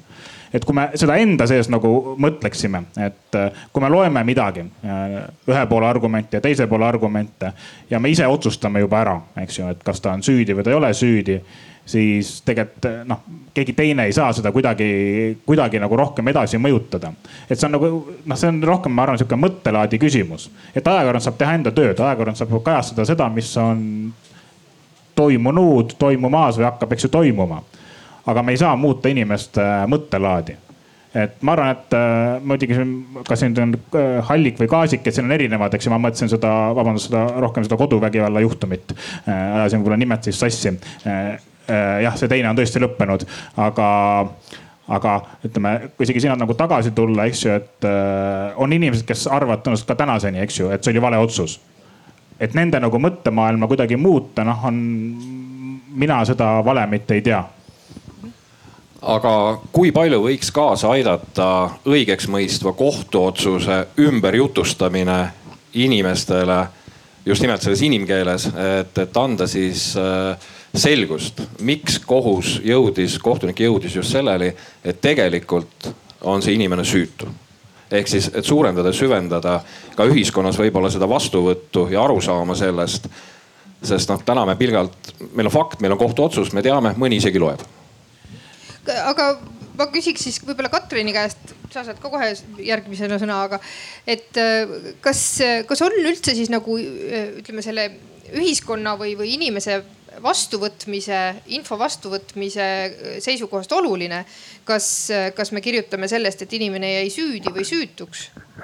ma panen need kaks lugu kokku praegu, et oli suvel oli, kui te nüüd noh, puhkuste aeg oli, aga mina lugesin läbi, kuna ma teadsin, ma siia tulen, ma huviga lugesin läbi selle, need artiklid, kuidas kajastati seda Lasnamäe tulistamist. mäletate seda, et seal oli selline noh, ühelt poolt olmekonflikt väga hilisel ajal, vihane mees ja kohe mõjutab, kes oli ka alkoholi tarbinud muuseas, läks ja ründas, noh hakkas sõimama siis ühte töötöö, töötee, teetöölist, kes siis teda viis korda tulistas ja, ja siis kõik see pilt, ilmselt olete kõik näinud seda pilti, et inimesel on nagu auk on otsa, need olid nagu, see oli ikkagi väga õudne, õudne olukord. ja senikaua, kuni teda kahes esimeses astmes äh, jäi ikkagi süüdi see tulistaja. ja seda olukorda kirjeldati siis selle nagu ohv-, noh, nii-öelda mõlemad olid ohvrid, tegelikult see oligi, et see oligi suur kisma, mis läks käest ära. ja öelda seal, noh, kuidas sa kakluses pärast määrad, kes siis oli nagu rohkem süüdi et tegelikult see noh, see kohtupidamine ongi selline, et no kes siis see rohkem siis ikkagi süüdi oli. ja kolmandas astmes siis jäi see ikkagi õigeks, see tulistaja ja siis, ja siis ja see kirjeldus loeb, sest see kirjeldus loeb, kogu see lugu oli kirjutatud nüüd selle inimese vaatepunktist, kes seletas, miks tal oli püstol. tal oli ma ka mõtlesin mitu kuud, miks ta käib püstoliga tööl, igavene mõrvar. ja kui ma loen, tal on püstol, sest et ta töötabki öisel ajal, ta teeb müra, inimesed tulevadki teda ründama. ta on sellepärast hankinud püstoli. kirjeldati täpselt ära, mida ta siis tegi, mida ta siis tegi ja miks ta selle kolmanda ka tegi. no miks ta selle viienda tegi, ma muidugi enam päris aru ei saanud, aga seda oli nii selgelt tema vaatepunktist kirjeldatud. ehk see, kelle vaatepunktist me kirjutame selle sündmuse sündmuse. ja see oli ju lõpuks kohtu pressiteade, mille järgi ajakirjanik tegi suurepärase loo. küll see ja, ja ma olin loomulikult, ma mõistsin teda ma mõistsin teda, nii et see, see vaatepunkt, kelle, kelle vaatepunktist kirjutatakse lugu, meedias käibki see kohtumõistmine lõpuks. kelle suhtes mul empaatia tõuseb. mis sa arvad selle peale, Mart äh,? Ma olen sellega nõus, et noh, see on ka üks põhjusi, miks äh, üldiselt ajakirjanikud ajavad toimikuid taga, et noh, kui te mõtlete, miks Mati Alaveri seda toimikut taheti nii väga näha, siis tahetaksegi näha seda protsessi, eks ju. mis tehti, kus tehti, miks tehti, kas tehti ja kõik muu taoline. et läbi selle ongi võimalik neid lugusid tegelikult avada. aga tegelikult noh, ma ei tea, võib-olla teie ei taha seda välja öelda, aga no ma võin teile niimoodi vastata, et Mart ongi inimesed, kes saavad haiget. ja seal ei ole mitte midagi nagu teha. peale selle, et noh, et riik peab ütlema vabandust ja noh, võib-olla ka mina pean ütlema mingitel hetkedel, eks ju, vabandust, et ka mina olen teinud mingitel inimestel ennast nagu ajalehe juhina haiget, kes ei oleks pidanud haiget saama. Äh, aga, aga needsamad, ütlen selle ajakirjanduse see nagu tähtsustamine selles haiges saamises, ma arvan, on äh, nagu veidi suur.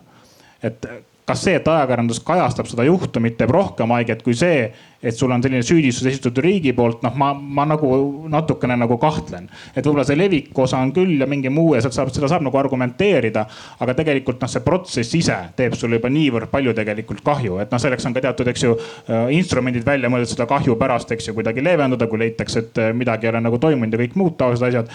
aga noh, et, et oleks vaba, aus kohtumõistmine, siis sellised juhtumid lihtsalt juhtuvad ja see ei ole ainult, eks ju, see ei puuduta ainult kohust, seda puudutab ka tegelikult tervishoidu, kõike muud, teisi valdkondi samamoodi maailmas, eks ju. et kuskil on need inimesed, kes saavadki viga ja see lihtsalt noh, seda ei ole võimalik kuidagi täielikult mitte kunagi vältida.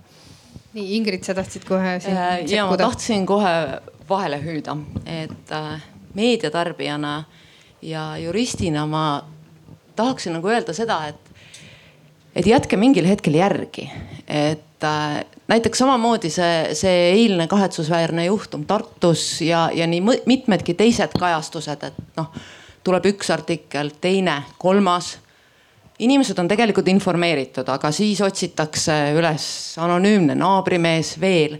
ja, ja tegelikult võib-olla nii palju haiget ei teegi need äh, meedia, äh, meediakajastused kuivõrd äh, need inimesed seal all, kellele antakse kommenteerimisvõimalus, äh, kes äh, alati täpselt teavad ja need, kellest kirjutatakse, need ei loe ju ainult artiklit, need loevad kommentaare ja sealt tulebki täpselt see käpard, saamatu ja muud sellised asjad, mis on täna ka juba eilse sündmuse kommentaarides, et, et need teevad inimestele haiget ja mul on selline tunne, et võib-olla ei peaks puid nii-öelda juurde alla panema, et, et võiks äkki vahepeal mingi teise teema leida, inimesed on juba informeeritud. ja siis, kui tuleb järgmine etapp, et kellelegi esitatakse süüdistus, siis on jälle põhjust kirjutada. ja kui tuleb esimese astme kohtuotsus ja nii edasi. jah, väga hästi. Äh, Andreas, äh, sina kui ähm, nüüd õppejõud, mitte kui, äh, kui prokurör, mitte et neid väga saaks nagu eristada, aga kas ähm, kas sa oma äh, loengutes ka puudutad seda, seda, seda sõnumite edastamise küsimust ja seda, kuidas, kuidas peaks ähm, noh menetluses äh, see professionaalne menetlusosaline käituma äh, informatsiooni välja andes? no teatud piirides kindlasti tuleb sellest rääkida. kasvõi näiteks selles võtmes, et mismoodi peaks kohus otsust kirjutama niimoodi, et et äh, sellest oleks võimalik aru saada ja inimesed siis mõistaksid, et äh, mille pärast kohus niimoodi otsustas, nagu ta otsustas. või kui me räägime ka siis kriminaalmenetlusest, äh, et mida professionaalsed menetlusosalised seal peaksid või võiksid teha, siis seadus selles suhtes ju paneb mõningaid piire paika ja nendest piiridest kindlasti ülikoolis ka räägitakse. eks osad nendest piiridest on sellised küllaltki jäigad ja teised neist sellised pigem hägused, kus äh, seaduses ette nähtud keelatu piir on oluliselt äh, kaugemal kui näiteks eetiliselt äh, lubatu või soovitu piir. ja siis sinna kuskile jääb veel selline protsessitaktika küsimus. ehk siis noh, kuskilt need lekked ju ometigi tulevad Äh, ja ega ma ei tea, kes neid lekitab või, või, või kes kellega räägib ja kuidas satuvad meediasse näiteks äh, mingisugused äh, andmed, mis peaksid olema käimasoleva kriminaaluurimise toimikus. keegi on nähtavasti tundnud huvi selle vastu, et nad sinna meediasse jõuaksid, see võib olla ükskõik kes sealt. aga võib-olla keegi kuskilt, kellel lihtsalt oli juurdepääs materjalidele noh, seda näiteks ei peaks juhtuma ju äh,. väga hea teemapüstitus, et siit minu järgmine küsimus, et kas äh, noh, jälle minu enda kogemus on see, et tsiviilasjades, et äh, sa tead, et kolme nädala pärast hakkab sul mingisugune istung peale või on tulemas ja siis hakkavad Äripäevas ilmuma lood. kõigepealt ühe poole äh, kasuks ja siis teise poole kasuks ja, ja noh, mina loen neid alati väga suure huviga, sellepärast et, et noh, tavaliselt need ei kajasta üldse seda, mida minu toimik kajastab. aga, aga huvitav on lugeda ja, ja minu küsimus, noh jälle hakkame Martinist pihta, et kas, kas sa tunned mõnikord ka seda, et, et meediat kasutatakse ära?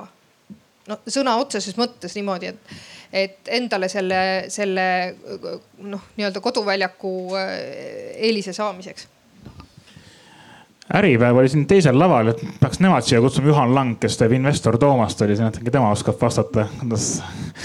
aga nali naljaks, et äh, ei muidugi on jah, et aga meil on see tore vabadus Eestis, et on meediavabadus, me saame valida, et kas me avaldame või ei avalda. et, et see, et ka, et seda valikut teha, et on ka asju, mida me, nagu ma olen öelnud, me ei avalda ja ei avalda mitte kunagi, et noh, see võib olla üks väike fakt, aga see võib olla ka mingid lood mis on meile nagu pakutud, aga mis me ütleme, et ei, et ei lähe. aga noh, teine pool on niikuinii see, et jällegi tulles see, et kui me räägime noh mingist, eks ju, et näe, vaata, siin on huvitav toimik, lugege läbi, avaldage kõik ära. noh, et see üldiselt ei toimi niimoodi, et loeme siis läbi, avaldame kõik ära, aga noh, seal on ka eks ju protsess, et protsess on see teine pool ja kõik muud taolised, mis tuleb niikuinii teha. aga ei, ikka on sellist olukorda olnud jah, et see on ju loogiline, aga see ei puuduta ainult, eks ju, Krimmi, see võib puudutada seda, et mul tuleb tore kontsert noh. et kas persooni lugu ei taha või nüüd noh, vaadake nüüd kella, eks ju, et palju on valimisteni aega hakake vaatama, kui palju on ajakirjade ja ajalehtede esikülgedel toredad poliitikud koos perega embavad lapsi. et kuidas need küll sinna sattusid, oi, et nüüd hakkasid järsku rääkima, et, et selline asi, protsess toimub eks ju kogu aeg ja meil on noh, näiteks Õhtulehes on kindel reegel, me juba see, meil on laupäeva koosolek esmaspäeviti, me see laupäev, esmaspäev, laupäeva koosolek esmaspäeval, siis üritasime siis välja mõelda, et mis hetkel me paneme piiri et enam me näiteks poliitikuid persoonilugudeks, pikkadeks intervjuudeks ei võta lehte. just sellel samal, et valimised on tulemas, eks ju. ma ei saa öelda, et keegi, keegi teine samamoodi teeb, aga me arutame täpselt neid samu asju läbi, sest me teame, et see oht on tulemas, meile hakatakse kohe pakkuma. aga jällegi seda, kas me selle pakkumise võtame vastu ja kuidas me selle siis vastu võtame, kuidas me seda avaldame, see on nagu meie otsustada ja see on iga väljaande enda otsustada no minu mõte oli ka see, et kas, kas te saate aru sellest alati, et teid ära kasutatakse? alati ma arvan ei saa, et noh, see võib tulla nii kavalalt teistmoodi kuidagi noh, selles mõttes, et pärast öeldakse, et õigust kasutati ära, et võib juhtuda tõesti, et see on juhtunud.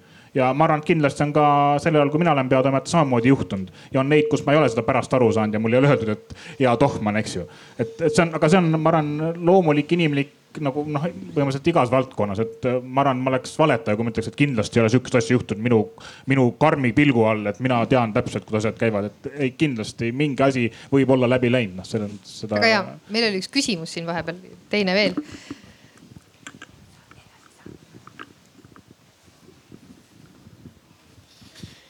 jah, äh, kohtu poole pöördudes äh, tehakse seda seistes, nii et ma ka seisan.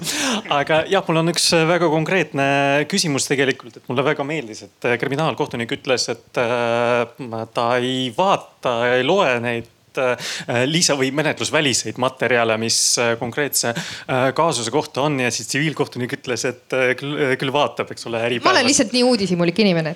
just, just. mina ei ole.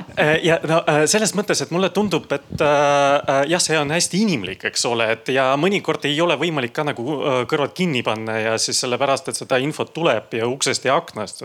kasvõi võtame näiteks seda viimast Haapsalu siis traagilist juhtumit, kus, kus üks inimene on surma saanud ja kohe endine äh, siseminister seda ka näiteks kommenteeris. kas tõesti kohtunikud siis ei tea, mida siis endine siseminister selle kohta ütles väga selgelt, eks ole äh,. siin äh, noh, oma väärtushinnangut nagu andes või, või siis äh, kasvõi need aprillimässu siis kohtuotsuse kommentaarid, kus isegi peaminister nagu avaldas äh,, avaldas nagu pahameelt selle kohta siis mida, mida siis kõik kolm, kohtuinstantsi nagu ütlesid. ja siin on nagu minu küsimus, et äh, tavaliselt nagu meie menetluspraktika siiani olnud nagu selline, et äh, noh, seda äh, pressiteadete kirjutamist ja meediaga suhtlemist äh, advokaatide poolt, siis äh, pärast äh, õigusmõistvat kohtuotsust ikkagi ei kompenseerita. et see ei ole nagu menetlus, menetluskulu, et kui keegi advokaat esitab pärast menetluskulude nimekirja, et vaadake, ma kirjutasin siin pressiteadet,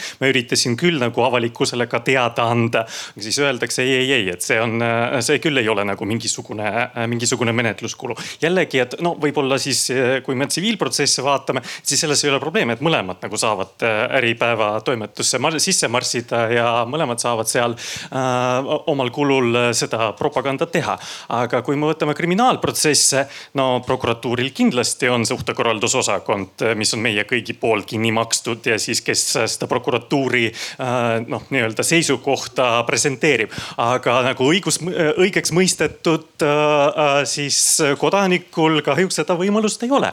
äkki, äkki see on ka mõtlemiskoht, et neid kulusid saaks, saaks pärast hüvitada, aitäh. ja aitäh, see on küll väga huvitav seisukoht, aga ma siin lasen siis prokuröridel ja, ja kriminaalikohtunikel võib-olla rääkida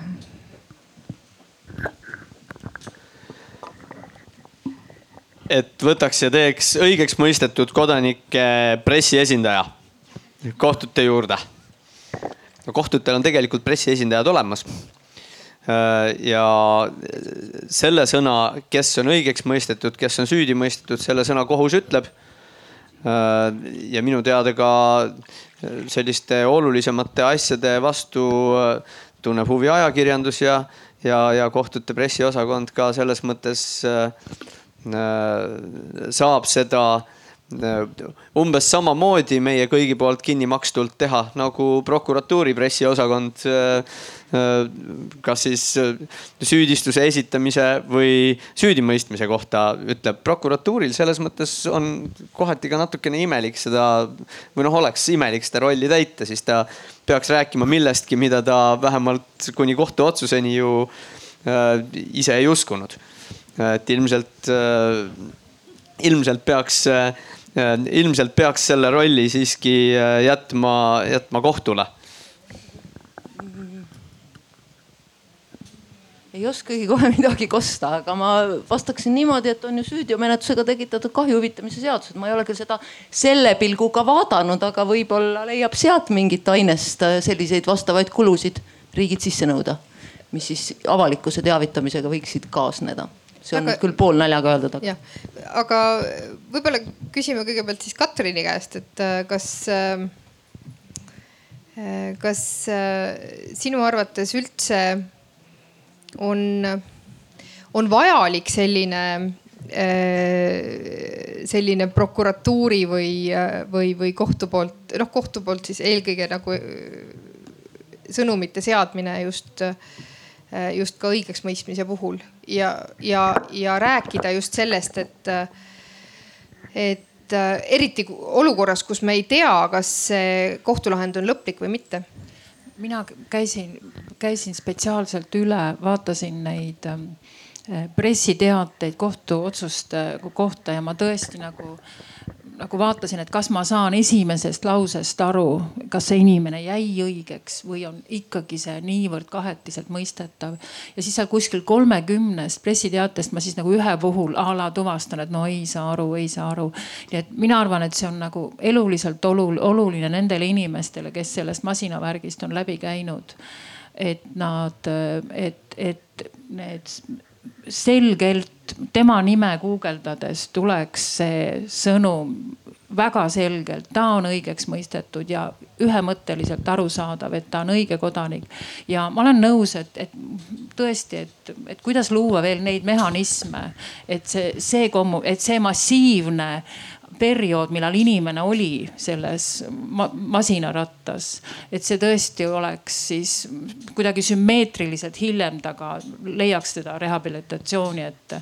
aga noh, ma nägin, et olite hästi nõutud, et kes seda tegema peab, aga nüüd on jälle ju, meil on ju see meedia, et, et ega tema ongi see lõpuks see abimees, tema saabki neid asju võimendada ja kui mina ei tea, kui ma tahan ühte asja veel öelda, kui ma siin istun, no kui ma hommikul marssisin kohale pika matka ja ma jõudsin mõelda, siis ma ka mõtlesin, et nii, nii, et täna on siis siin on ajakirjanikud ja, ja kohtunikud, prokurörid. Ja siis ma mõtlesin, et et ja, ja nagu ma siis ikkagi muretsen nende demokraatlike protsesside pärast kogu maailmas ja eriti Eestis, siis ma mõtlesin ka nii, nii, et noh, Poola-Ungari pealt on näha, et need tegelikult on on tegelikult meie ühiskonna eesliin ja nii kui jamaks läheb, nii olete teie esimesed, kelle noh kelle tegevust hakatakse piirama. nii et selles mõttes mul on suur lootus ja ma ka hästi kuulen, et kui suur on teie üksteise mõistmine. et siin on hästi palju need koostööteemad on ju head ja lõpuks te toidate üksteist nende sõnumitega. meedia ju toitub pressiteadetest kogu aeg. et ma usun, et siin on nagu nii hea koostöökoht ja ma hullult usun teisse, sest et, et kui teid, kui teie ei seisa seal eesliinil, siis kõik muu ei tööta ka enam tagantjärgi no tasus tulla, eks ole. Bravo, suurepärane seisukoht. Martin, kiire kommentaar ja siis oli üks, üks küsimus seal ka veel. selle õigeks mõistmise ja, ja rehabiliteerimise eest. Teie ju ei küsi raha nende inimeste käest, kui te lubate neil rääkida? ei, me ei anna raha ja me ei võta raha et äh, me ei osta ühtegi intervjuud mitte kunagi ja noh, me ei ole nõus ka selle, et meile nagu makstakse, et mingit intervjuud saada. selleks on sisuturundus, äh, nimetatakse ka reklaamartikliks, aga see on ära märgistatud ajalehes. Äh, jah, üldiselt siin on nagu nii mitu teemat jälle korraga, et noh, seda, et eks ju inimene mõistetakse õigeks, seda me kirjutame tõenäoliselt et nad, ma jällegi ütlen, et võib-olla on mingi, mingi juhtum, kus saab keegi öelda, et ahaa, et siin te kirjutanud, et võib juhtuda, aga noh, ütleme üldjuhul üheksakümmend üheksa protsenti on äh, lugu ka, eks ju, lõppastmest. nüüd Google on nagu täiesti teine nagu teema äh, ja väga keeruline teema, ma saan iga nädal mitmeid kirju, et palun kustutage mingi lugu ära minust veebis. Äh, üldiselt ei taheta, et Õhtulehest kustutatakse ära üldiselt on see soov, et kustutatakse ära otsingumootoritest, et noh, ma löön sinna Martin Šmuta sisse ja tuleb välja, näe noh, ükskõik mis asjaga siis, ei pea olema, eks ju, kurjategija, aga võib-olla kunagi laulis väga halvasti ja Eurovisioonil ja nüüd ei taha enam, et seal, eks ju, oleks see asi kirjas. ja siis me peame hakkama vaidlema, eks ju, et noh, et min-, Google ei kuulu Õhtulehele kahjuks. et võib tulla üllatusena, aga, aga mina ei saa Google'ile mitte midagi ette kirjutada, mida Google teeb eks ju, et, et, et, et see ka, et see, et Google'ist tuleks nagu esimesena välja see, et mida nagu inimene tahab, on ajakirjandusväljaandel nagu praktiliselt võimatu teha ilma selleta, et kogu ülejäänud minevik ära kustutada. ja nüüd jällegi, kui me siit jälle küsime, et kas me tahaksime seda, et me mingil hetkel otsustame, et me hakkame mingite inimeste minevikku ära kustutama siis või kuidas me seda viimast artiklit siis ümber kirjutame niimoodi, et see minevik seal sees oleks. siis see on jälle nagu sihukene Orwellik natukene teema, et mis hetkel siis nagu minevik algab ja mis hetkel ta nagu lõpeb ja mis see tegelikult nagu reaalsus on. et see on väga-väga-väga-väga keeruline, et meil on juhtumeid, kus me oleme ära kustutanud ja on juhtumeid, kus me mitte mingil juhul mitte kunagi ei kustuta ära. noh, kui kohus lõpuks käseb, et eks me siis kohus, nagu kustutama seda nagu ei ole veel juhtunud. väga hea, küsimus oli kaks aspekti, läbipaistvus ja tööjaotus. et ma oleks kuulnud, et Rätseps läheks kingsepa tööd tegema. mina ei mõista seda, et miks kohtunik peab oma aega panustama sellesse, et teha kellegi teise tööd. kas ajakirjanik, kes kirjutab X artikli, jättes tegemata X hulka tööd selleks, et teadmist, noh anda inimestele edasi infot selle kohta, rohkemalt kui viis-kümme minutit pärast seda, kui äh, mingisugune kuritegu on aset leidnud. et ka, miks kohtunik ühelt poolt peaks seda aega ohverdama, aga see ajakirjanik, see ajaleht, ajakiri samas perspektiivis seda aega ei ohverda selleks, et neid asjaolusid äh, objektiivsemalt tuvastada. läbipaistvuse kohta ma küsin seda, kas läbipaistvus on teadasaamine või teadasaamise võimaldamine? et ühelt poolt meil on kõik seadused avaldatud, kõik kohtu, kohtuotsused on avaldatud, et mis läbipaistvus on, mille alusel on noh, e-, Eesti kohtute äh, ressursid on piiratud et miks me ühelt poolt toetame seda, et ajakirjanikud avaldavad oma mingisuguse kasu saamise eesmärgil asju, mis ei pruugi alati tegelikkusele vastata ja samas nõuame tagantjärele, aga kohtunikud, tulge palun selitage meile, mis need on. tsiviilkohtumenetluse seadustik, selle kommentaarid on kõik olemas läbipaistvus on sealjuures tagatud, kui me teame, et teadasaamise võimalus on inimesele kättesaadav.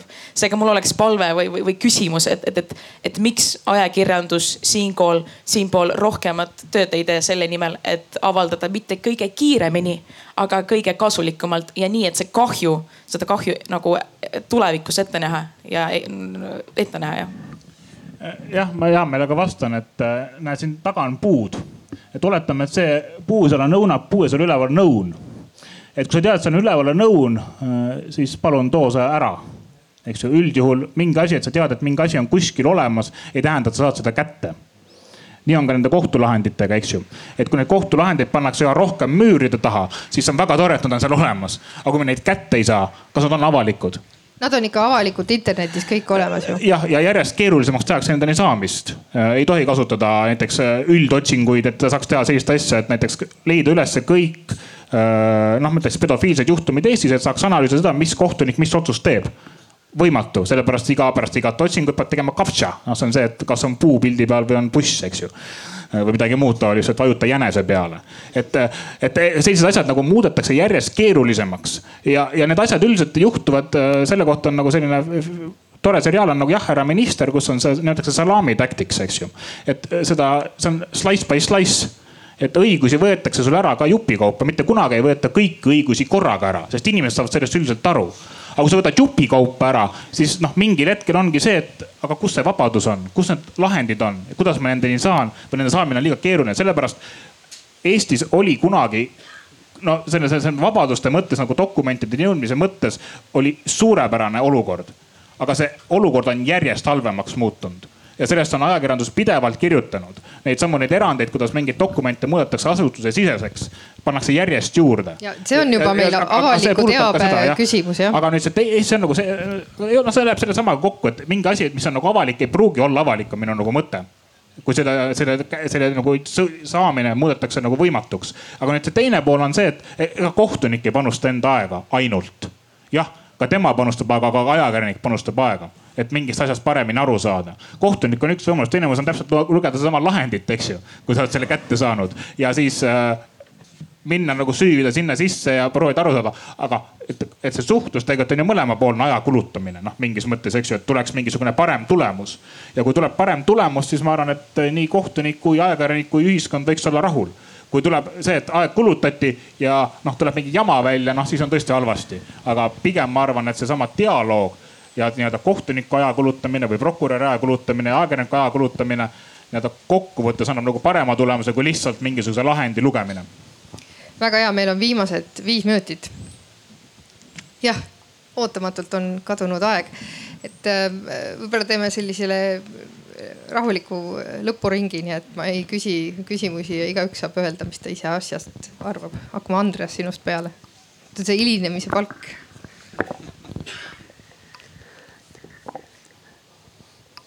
mulle vahepeal väga meeldis see, mida Martin ütles nende, äh, nende meie enda sisemiste arusaamiste kohta ja selle kohta, kui palju meil on võimalik seda muuta ja kui palju ei ole võimalik muuta, et äh,